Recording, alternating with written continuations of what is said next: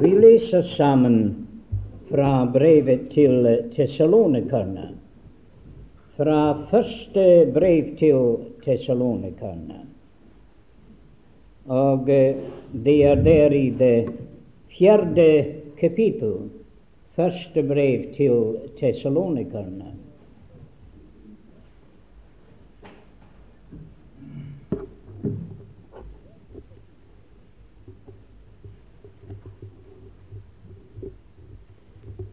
Fjerde kapittel eh, vers 13.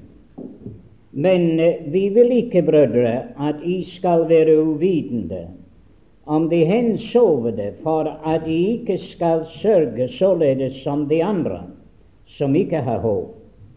For så sant vi tror at Jesus døde og stod opp, så skal også Gud ved Jesus føre de hensovede sammen med ham. For dette sier vi eder med et ord av Herren, at vi som lever og blir tilbake inntil Herren kommer, skal ingenlunde komme i forveien for de hensovne. For Herren selv skal komme ned fra himmelen med et vidende rop, med overengelens røst og med Guds person. Og det døde i Kristus skal først oppstå, Deretter skal vi som lever, som blir tilbake, sammen med dem rykkes i skyer opp i luften for å møte Herren. Og så skal vi alltid være med Herren. Trøst da hverandre med disse ord. Vi kunne også lese et par vers fra brevet til til Timotius. Brevet til Timotius, det første brev, og vi kunne lese fra vers 14. Tredje kapittel, vers 14. Dette skriver jeg til deg, skjønt jeg håper snart å komme til deg. Men om jeg venter med å komme, er du da kunne vite hvorledes en bør ferdes i Guds hus som er den levende Guds menighet, sannhetens støtte og grunnvoll. Og som enhver må bekjenne, står er den gudfryktingens hemmelighet. Han som ble åpenbart i kjød, rettferdiggjort i ånd, av engler, forkynt iblant folkeslag, troet i verden, opptatt i herlighet. Les et vers i Hebreerbrevet som jeg kanskje kommer til å uh, nevne. Og den er ikke så godt kjent. Hebreerbrevets tolvte kapittel. Og det er der i verset 22. Men I er kommet til Sions berg og den levende Guds stad, det himmelske Jerusalem, og til englenes mange tusener, til høytidsskaren og menigheten av det førstefødte som er skrevet i himmelen, og til dommeren som er alles Gud, og til det fullendte rettferdiges ånde, og til Jesus mellommann for en ny pakt, og til oversprengning med blod, som taler bedre enn navl. Se til at de ikke avviser ham som taler, for slapp ikke henne fri, de som avviste ham som talte på jorden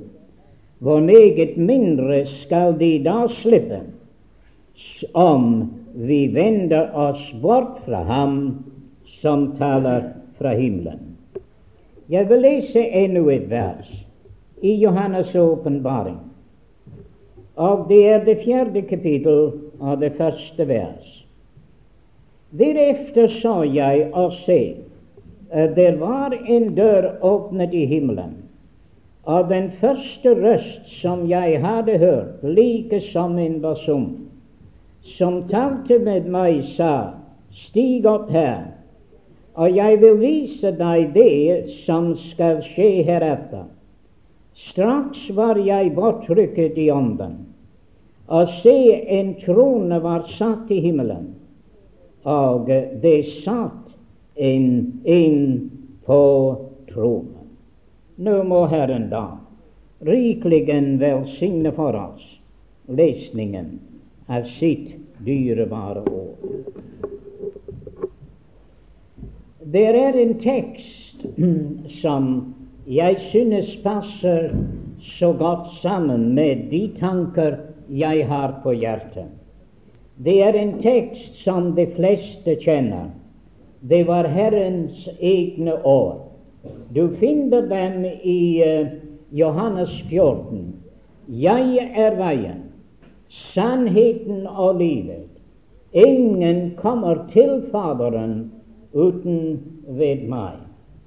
Evangeliet er i virkeligheten et herlig budskap, fordi evangeliet har nettopp den tanke for oss hvordan at Gud han kom ut til mennesker.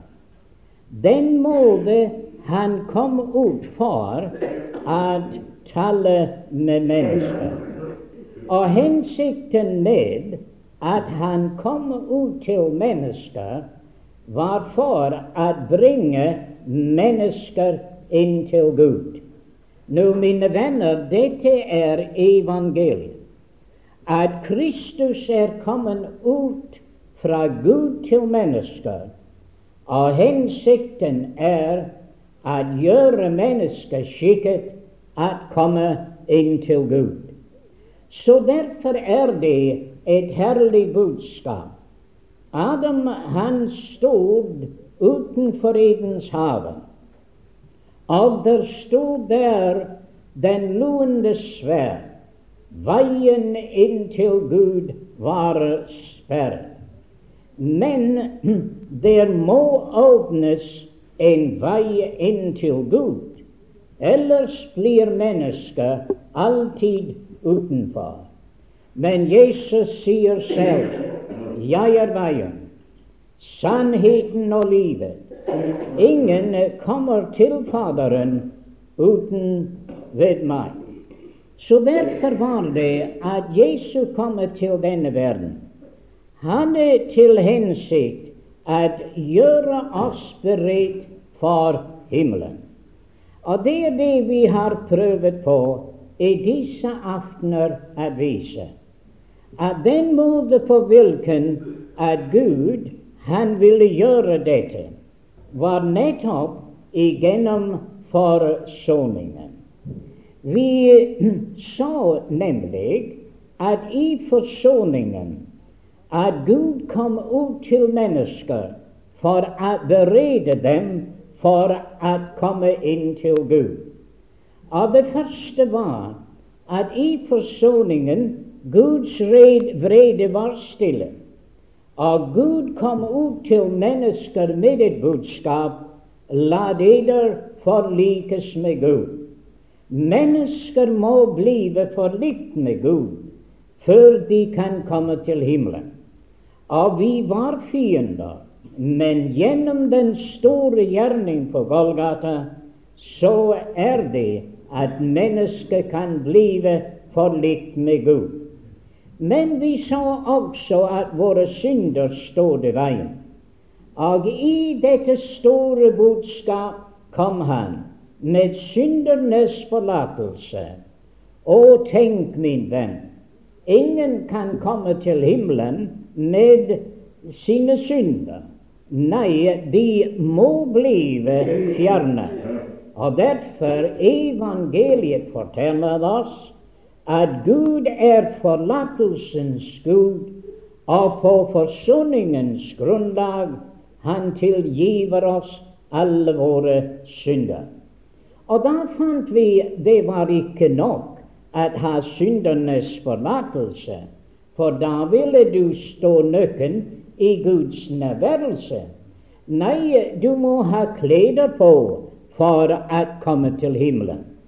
Og de klær som han giver oss å komme til himmelen, er også på forsoningens grunnlag. For han stillet Kristus frem som en nådestol for at Gud kunne bli rettferdig og rettferdiggjøre dem som tror på Jesus. Så den kledning som han ifører hver den som tror på den Herre Jesus Kristus, er egentlig rettferdighetens kledebarn, Frelses kledevann. Kristi rettferdighet. Ikke mindre enn dette. Det eneste bryllupskledning av den eneste kledning fra himmelen er Kristi rettferdighet. Og derfor Kristi rettferdighet. Hver eneste en som kommer der, han er iført hvite kleder, og disse hvite kleder er Kristi rettferdighet.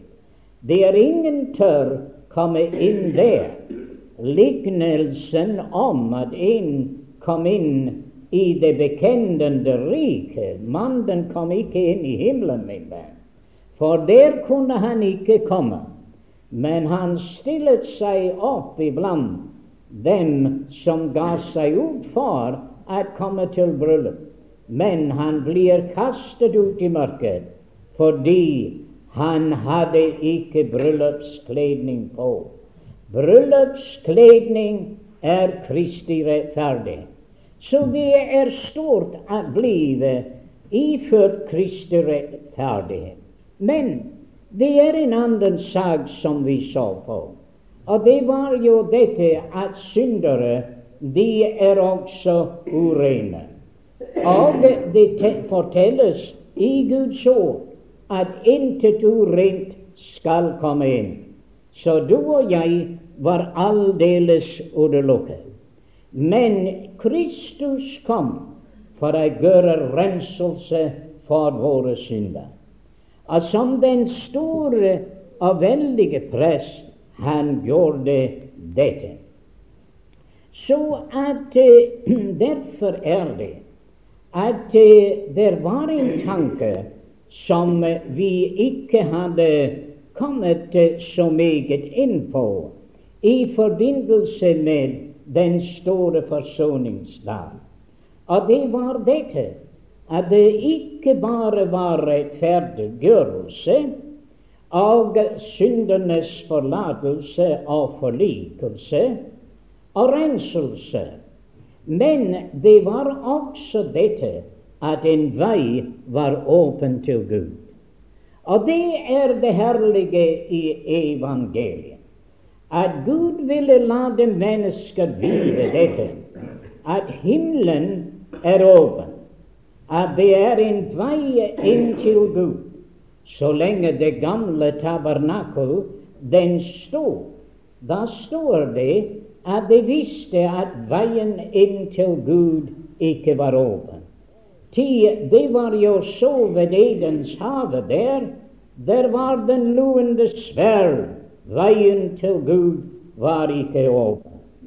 Og endog i tabernaklet, det er merkverdig, det var nettopp disse kerubber som var på forhenget der mellom det hellige sted og det aller helligste. Veien var ikke åpen. Mennesket kunne ikke komme inn til Gud. Men på den store forsoningsdag var en unntagelse. Og da kunne ypperste presten han kunne gå inn i helligdommen en dag om året. Men det var på forsoningens grunnlag, med blodet som ble bestengt på nådestålen, og foran nådestålen så presten han fikk adgang. Men det var bare én dag om året. Fordi den forsoning, den var dekket over. Den aldri fjernet synd, men det peket frem til den dag når den sanne og den fullendte forsoningen ville komme. Da og når kom den? Den kom den gang da Jesus hang på korset. En herlig sannhet kommer frem der. Det står av forhenget revnet, fra øverst til nederst, i midten der. Ikke fra nederst til øverst, men fra øverst til nederst. Det var Gud der rev den i stykker. Og låt oss vite at veien inn til Gud, at den var åpen. Jeg synes at det må ha vært med en veldig glede i Guds hjerte da han rev tabernakelets eh, forheng i stykker der. Veien inn til Gud var åpen. Og kjære venner, det er Guds største glede at Han har kunnet bane en vei, og at Han har kunnet gjøre syndere akkurat det de skal være for å komme inn til Gud. Jeg har betraktet hebreerbrevet, og jeg betrakter det på denne måte som den store forsoningsdag. Som jeg sa en gang, at hebreerbrevet 9 er i virkeligheten den store forsoningsdag. Hvis det ikke var så, da var det en feil i kapitlet. For den røkelsealteret der er satt i forbindelse med det aller helligste. Og det var jo kun på forsoningens dag at dette var tilfellet, da forhenget den var tilsidesatt, og at de to steder var blevet til ett nettopp på den store forsoningsdag. Da kunne presten ta røkelse, kar, og føre den inn i det aller helligste fra den gudne alter som var på det hellige sted. Og den dag, da fylte røkelsen ikke bare det aller helligste, men også det hellige sted. Det var alt sammen bleven til den store helligdommen, nettopp på forsoningens dag. Og du vil finne dette om du går igjennom hebreerbrevet at hebreerbrevet er den store forsoningsdag.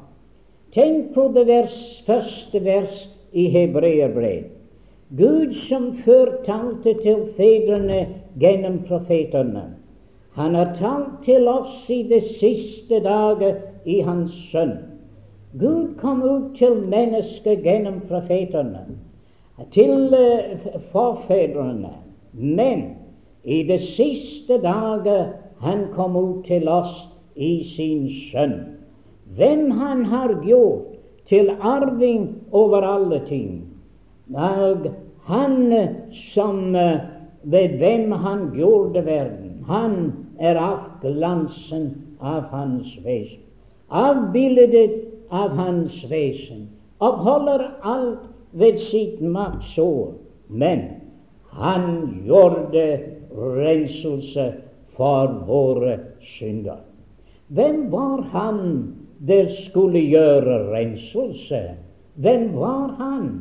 Han var Guds enbårne sønn, han som var glansen av hans herlighet.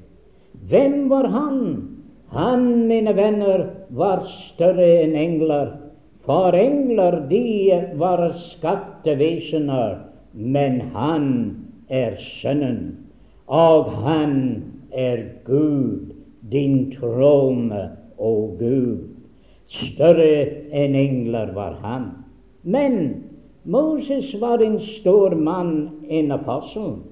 Han gjorde store ting for Israel, Men Moses var bare en tjener i huset, men Jesus, han er sønnen i huset. Han var større enn Moses. Ja, men de hadde jo Aron, og Aron var en stor mann. Men Aron, han var en feilende person. Men ikke bare det, han kunne ikke blive ved. Aron døde. Og så hans prestetjeneste måtte opphøre. Og det hele var så tom. For det var jo så at uh, helligdommen det var jo bare et jordisk helligdom. Offeret var et ufullkomment offer. Folkets synder var jo bare dekket over, men aldri borttaget. Det var en merkelig eh, forsoningsdag. Veien inn til Gud, den var ennå ikke åpenbart. Å ja, det var egentlig kom til kort av Guds store tanke. Men da Jesus kom, som den store prest. Han var større enn Moses, og han var større enn Aron. Han hørte til et helt annet presteslekt. Han hørte til Melkesedeks presteslekt. Han er en som er innsatt av Gud til prest, gjort prest for evig, efter Melkesedeks vis en natt derover i Skottland. Jeg kunne ikke sove, men jeg kunne bare uh, gentage den tekst gang på gang. Du er prest til evig efter Melkesediks viss. Kjære venner, her var en prest slik som aldri hadde vært, og der bliver aldri en anden der maken til ham er det din prest, min venn. Det er den prest jeg har, den prest som er prest for evig, efter Melkesediks vis. Og det var han der gjorde renselse for våre synder. Det var han der gjorde all prestetjeneste for meg. Jeg trenger ikke til andre prester. Å gjøre prestetjeneste for meg jeg står overfor den store Melkesedi, større enn engler, større enn Moses, større enn all, uh, Aron, større enn alle de andre. En prest til evig tid, efter Melkesediks vis. Så her var, mine venner, en fullkommen prest og fordi han var en fullkommen prest, han må også bringe et fullkommen offer. Av hva skulle han bringe? Se det Guds lam. Han skulle bringe Guds lam. Og hvem er så Guds lam? Det er ham selv, mine venner. Et fullkommen offer. Et slik offer har aldri vært ofret i noen av de jødiske helligdommer, men lovet være Gud, han sendte sin sønn. Og Jesus Kristus, han kom med et fullkommen offer. Men ikke bare dette, men han gjorde en fullkommen forløsning. Der i hans dyrebare blod, kjære venner, det var en fullkommen forløsning. Og det står at han gikk inn i helligdommen. Inn, ikke i det jordiske helligdom, men inn i selve himmelen. Inn i den selve himmelske helligdommen. I det at han fant en evig forløsning. Se, mine venner, han var kommet ut fra Gud, og han gikk tilbake til Gud. Han gikk innenfor forhenget. Amen. Hvem var han? Han var den som stod utenfor leiren. La oss gå til ham utenfor leiren. Jo, den velsignede Herre og Frelser. Der er den fullkommen prest, og der er den fullkommen offer. Og gjennom den evige ånd han ofret seg selv som en fullkommen offer. Og hans blod gjorde en fullkommen forsoning for våre synder. Og han gikk inn i den fullkomne telt, det fullkomne helligdom, i kraft av hans dyrebare blod. Hva gjorde det for meg? Hva gjorde det for deg? Det står at han kan fullkommen hellige den som blir helliget. Hva vil dette? Hva tror du på fullkommenhet? Ja, mine venner. Og intet annet kan komme inn i himmelen uten fullkommenhet. Ah, sier du, jeg prøver på, og jeg prøver på. Ja, ja, men hvor langt er du kommet? som jeg sa til en han sa han prøvde på å bli bedre, så må du være kommet langveis nå. Du har jo levet i så mange år. Men da fikk han litt skrekk, for han var klar over han var kommet ingen vei. Kjære venner, det er dette. Det er ikke hva du og jeg kan gjøre, der kan gjøre skikket til å komme til Gud. Aldri. Men Gud forlanger et fullkomment offer. Gud forlanger en fullkommen forsoning. Og Gud forlanger fullkomne tilbedere. Fullkommen helliget. Og intet annet kan komme til himmelen enn dette. Men Jesus, da han hadde fullkommen helliget dem, han satt ned for alltid. Han satte seg for alltid. Det gjorde alle aldri. Han, det var ingen plass hvor han kunne sitte i den helligdommen. Men her på helligdommens trone sitter vår store, ypperste prest. For han kom ut for å føre oss inn. Og så er det han har fullkommen helliget den der kommer til Gud ved ham. Han kan fullkommen frelse den der kommer til Gud med ham. Så her, min venn, er du på en trygg grunnvalg.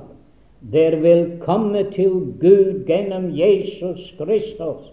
Han sier 'Jeg er veien', og ingen kommer til Faderen uten ved meg. Så derfor vårt evangelium har vært dette, at Jesus Kristus, han er den fullkomne prest, som gjorde en fullkommen forsoning, og har fullkommen gjort de som tror på ham, så at han kan ta dem med. Han kan ta dem med inn i helgen. Vår broder han leste dette skriftsted fra apostlenes gjerning. Jeg hadde tenkt å lese det, men jeg behøvde ikke når han hadde gjort det. Men det var jo dette som skjedde, og vår broder gjorde oppmerksom på det. Og jeg er alltid glad for å bli minnet om det. Aron og Moses, da tabernaklet var innviet, da var det at de ofret ofringer. Og etter de hadde ofret disse ofringer, så velsignet de folket. Ja? Og da gikk de inn i helligdommen. Og da de hadde gått inn i helligdommen, folket de ventet utenfor, som det står i niende kapittel Hebreerbrevet. For den der ventet ham, skal han åpenbare seg andre gang. Nå ikke det at han åpenbarer seg for et offer, nei, den er gjort en gang for alle. Men han kom ut den andre gang, Aron og Moses, og de velsignet folket. Da var det en veldig ting at velsigne folket og gå inn til Gud for folket, og så komme ut fra Gud til folket og velsigne folket. Men kjære venner, de kunne ikke ta dem inn. Nei, de kunne ikke ta dem inn. Så du ser deres forsoning, det kom til kort. Men det er et herlig vers i sjette kapittel Hebreerbrev. Det står vår, vår forløper er gått inn for oss. Hva sier du? Forløper? Hva vil dette si? Vel, den der løper foran, han sier de andre kommer bakefter. Ja, og det er nettopp hva det er. At vår velsigne Herre og Frelser han gikk inn i helligdommen med sitt eget blod, og han sier til Faderen de andre kommer senere. Jeg bringer dem alle sammen inn, Fader, jeg vil at de som du har givet meg, at de skal være hos meg der hvor jeg er. Jeg skal bringe dem inn, så det er en dag at han skal komme ut. Og han vil komme ut, og teksten var på samme måte som vi så ham gå. Hvordan gikk han? Han gikk med hendene oppløftet i velsignelse. Han kommer tilbake med hendene oppløftet i velsignelse. Det er ikke hans komme som dommer, aldeles ikke. Det er en privatkomme for å hente sin brud, sin menighet. Og det er dette som vi venter, at han kommer med velsignelse. Men hva for å gjøre? At velsigne oss og lade oss bli tilbake i verden? Nei, han kommer for å velsigne oss og føre oss inn. Så det var derfor, som vi sa, at evangeliet gjør den skikket. Og den store prest har gjort hans eh, hellige, hans tilbedere Han har gjort dem skikket for Guds nærværelse. De har jo forlikelse og fred med Gud. De har jo forlatelse. De har jo rettferdiggjørelse og ikke bare det, men som vi så søndag aften, de har fått det nye liv. De har fått det liv der passer til himmelen. Nå er det bare én ting det er tilbake. Hva er dette? At få oss da hjem til himmelen. Hvordan skal dette så skje? Det er bare én ting der hindrer oss nå. Og hva er det? det er dette legeme. Ja. Og dette legeme, ja, det er jo dette at selv om Gud har gjort så meget for oss, det er noe som heter legemets forløsning. Ah. Det er noen de sier at vi skulle ikke være eh, eh, eh, syk. Så lenge du er i legemet, du blir syk. Ja, men vi skulle ikke det ene og vi ikke det andre. Paulus sier, hvem skal frie meg fra dette dødsens legeme? Jeg takker Gud ved Jesus Kristus.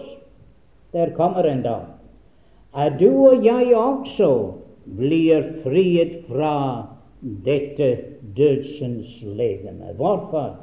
til det forgjengelige skal iføres uforgjengelig.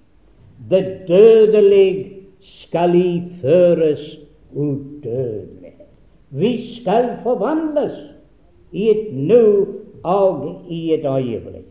Så derfor var det at for å få oss hjem til himmelen, det er bare én ting tilbake og det er forvandling når han kommer. For når han kommer, så skal vi forvandles i et nu og i et øyeblikk, og vi skal bortrykkes. Tenk på det, min venn. Du sier det er ikke vitenskapelig, dette der, Adam. Jeg er like så glad om de regner det for vitenskapelig eller ikke. Men jeg sa en gang at disse astronauter de får en veldig sjokk en dag når tusener og atter tusener av folk de passerer dem der oppe i luften hjem til Herren, og uten alt dette her som de har om seg. Nei, kjære venner, om et øyeblikk vi skal forvandles, og vi skal bortrykkes. Nå, bortrykkelse er en sannhet som er ganske vel stadfestet i Bibelen. Du vet, det var en bortrykkelse under den første 2000 år. Du sier, er det så? Gud ville stemple den tanke på mennesker at det er en mulighet for å komme til himmelen, og at jorden og verden er ikke vårt hjem, at vårt hjem er i himmelen. Og en mann, han vandret med Gud. Han het Ina. Og han ble ikke funnet. De laget en veldig stor ettersøkelse for den mannen, men han var ikke til å finne. Han ble bortrykket. Herlig, min venn. Enok, han ble bortrykket. Og tenk, han var bare i den syvende ledd fra Adam. Så tidlig som dette. Gud stemplet det på mennesker, og bortrykkelsen var i forkynnelsen en dag fra den tid. Ja, ja, men, sier du, Abraham han visste ikke noe om bortrykkelse. Kjære venn, det skal du ikke tro. For Abraham han så frem til den stad med det faste grunnvalget, som Gud er byggmester på. Så Abraham visste han skulle ikke alltid bo i et telt, men han visste at det var en stad med det faste grunnvalget, og dette skulle være hans hjem. Men der kom en dag at det var en annen mann. Han var en Guds profet. Og de folk var begynt å bli verdens beboere, kan vi si. De vil bygge deres hjem i denne verden. Men Gud ville kalle deres tanker høyere. Og Elias, han fikk bud om han skulle hjem på en annen måte. Han skulle bortrykkes. Elisa som fulgte med, de sa, vet du, det skjer noe. Din uh, mester, han blir tatt opp, han skal bortrykkes. Ja, ja, han sier, jeg vet det. Så bortrykkelsen var ikke så ukjent. Så, da de kom over Jordans flod, da gikk Elias opp.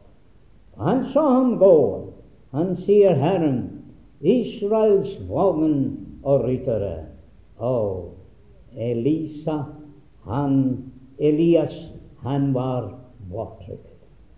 Og da gikk Elisa frem i kraften av den mann som var bortrykket. Ja, ja.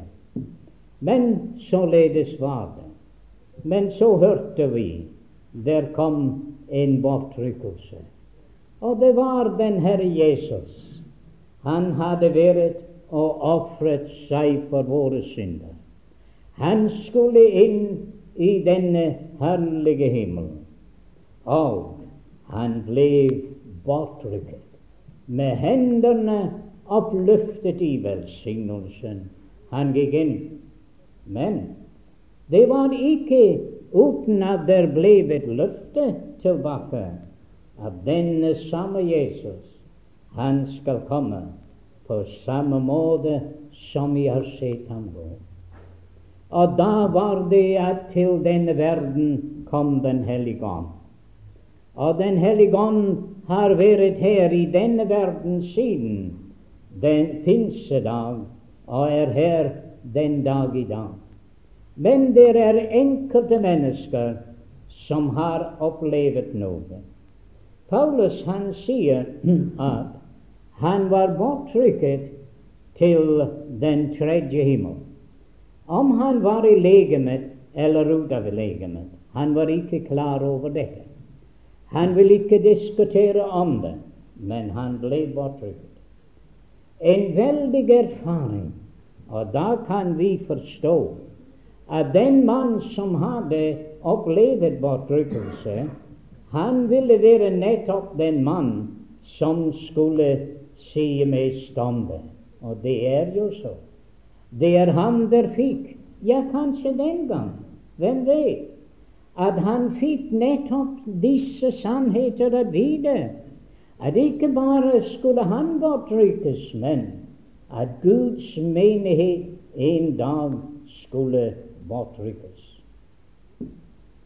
Peter han fikk en virkelig åpenbarelse. Han ville ikke gå til Kornelius' hus for Kornelius var en hedning. Men nå Herren bereder ham å gjøre det. Og han later ham se at dette som han nå gjør han hadde, Peters, hadde, Herren hadde sagt til Peter jeg skal bygge min menighet, Peter, og dødsrikets porter skal ikke få makt over den. Men Peter forstod det ikke, skjønt han hadde bekjent Jesus som Guds sønn. Men nå sier han til Peter Peter, vet du ikke at min menighet skal bestå av både hedninger og jøder? Og han later ham se en stor duk der kommer ned fra himmelen. Og det er fulle av levende eh, Fulle av, av, av dyr av forskjellige slag. Han sier, 'Peter, stå opp, slakt og et.' Å oh, nei, nei, nei, jeg har aldri et sånne ting. Jeg har holdt meg ren i hele mitt liv. Det skjedde tre ganger. Og Gud sier, 'Kaller du det urent og vanhellig som Gud har renset?' Gud hadde renset det, og den duk den gikk opp til himmelen.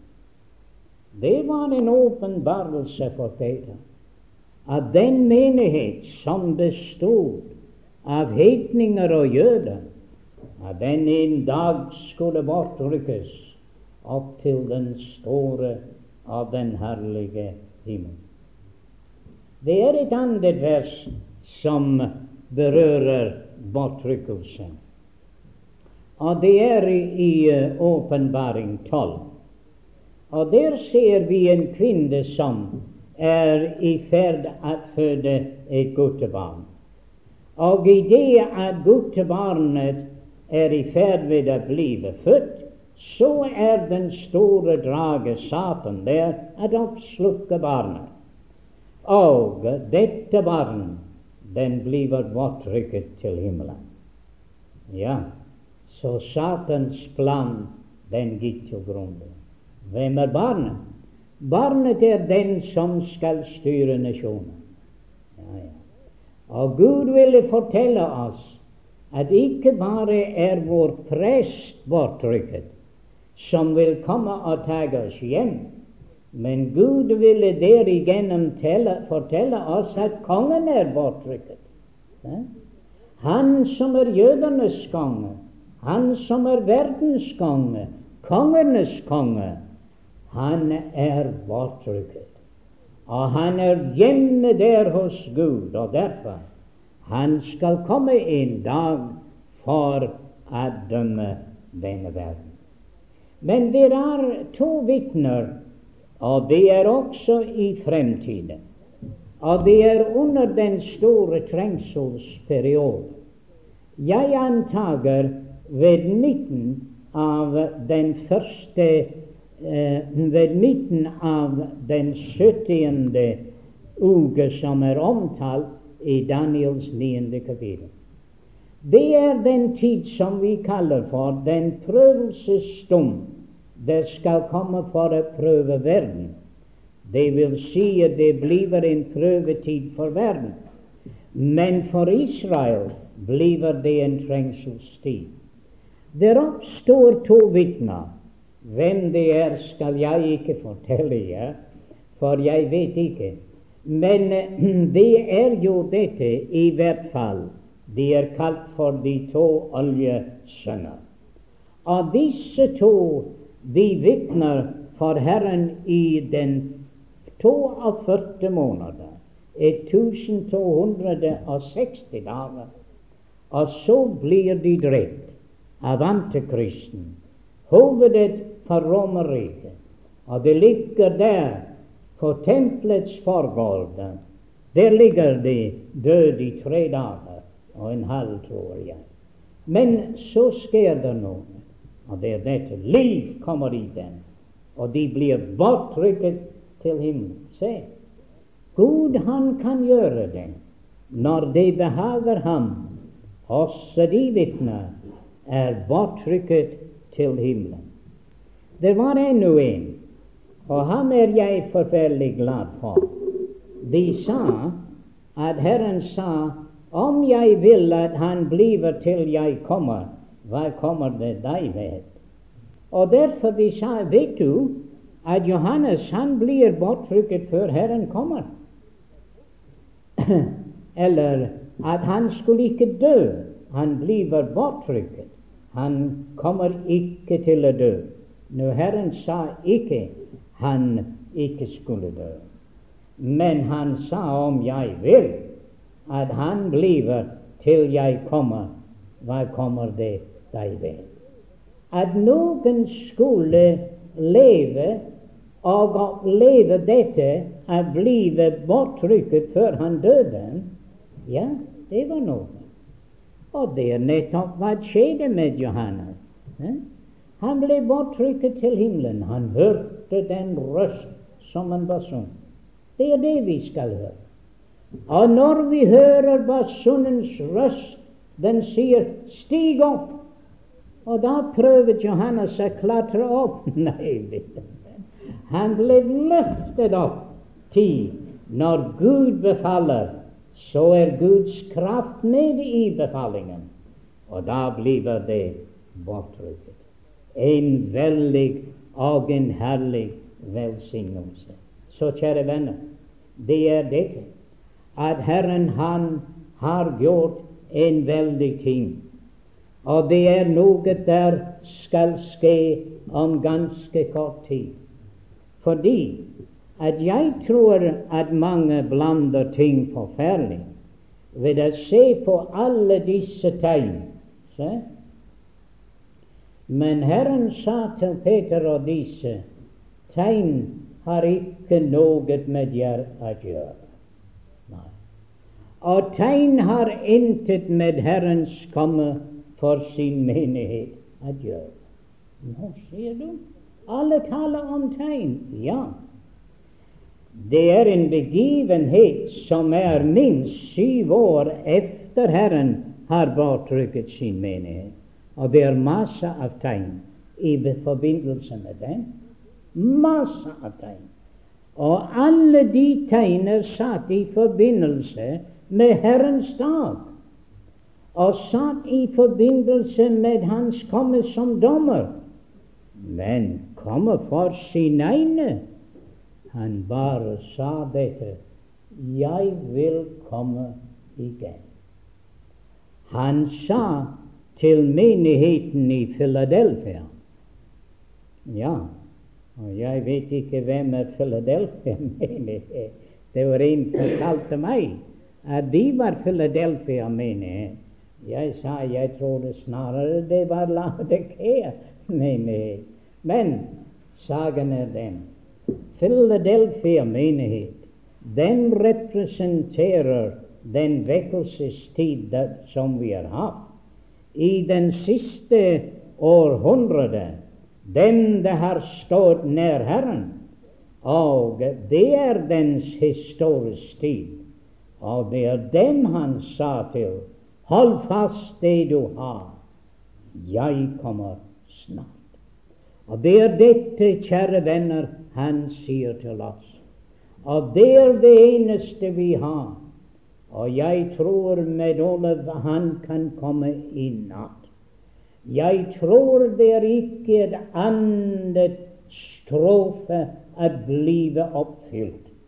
Alt er oppfylt, og den siste sjel er frelst. Han blir lagt til menighet. Da kommer Herren.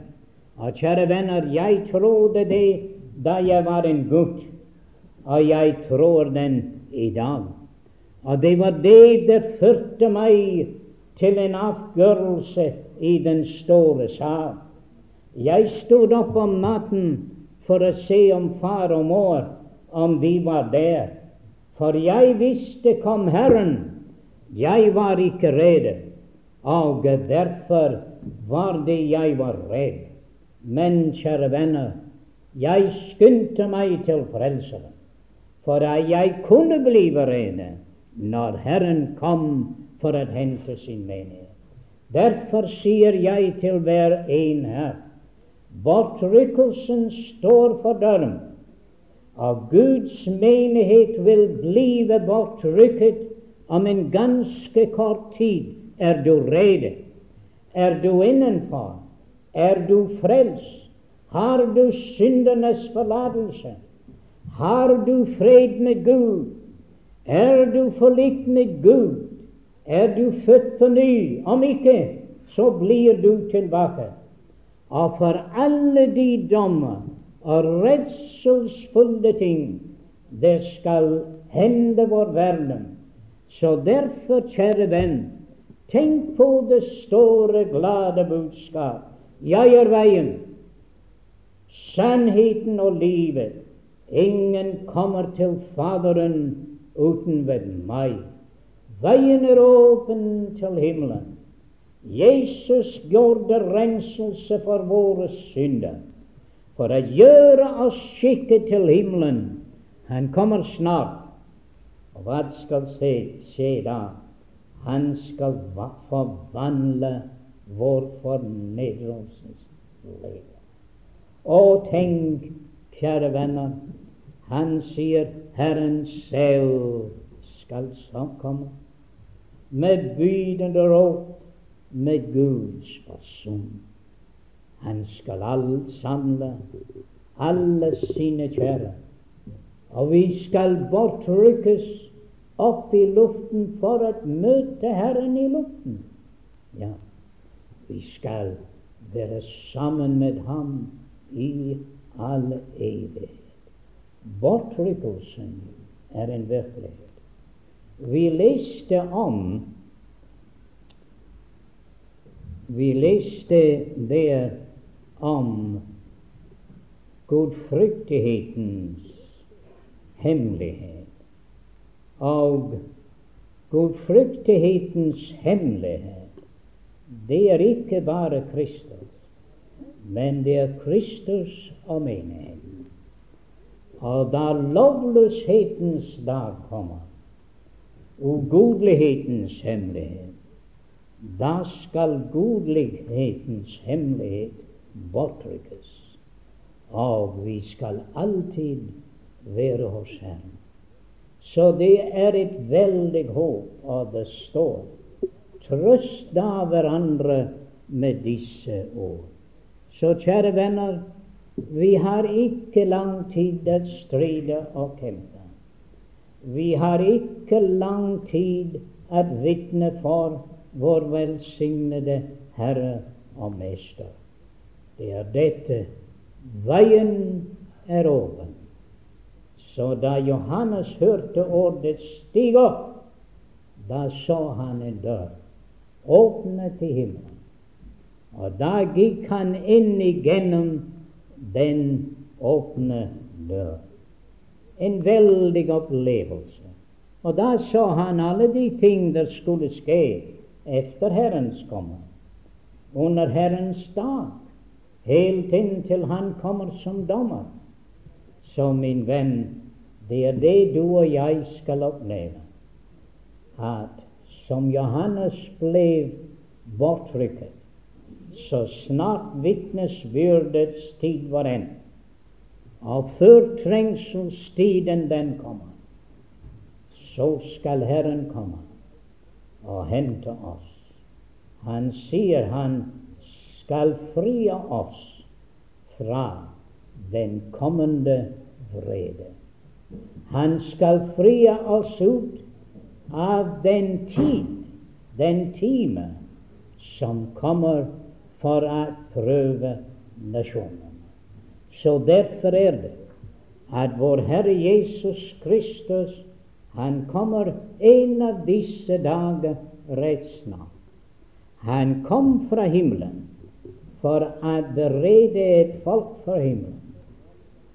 Han ofret seg selv på Golgates kors for å gjøre oss rede, å give oss alle disse herlige ting det syndernes forlatelse, rettferdiggjørelse, det evige liv, gjøre oss til nye skapninger, så vi kunne bo hos Gud.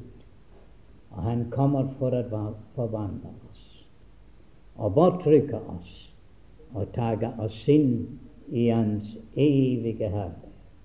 Kunne frelsen blive større enn dette, mine venner? skulle kunne det blive bedre enn det. Og dog likevel, det er dette som mange i dag forkaster.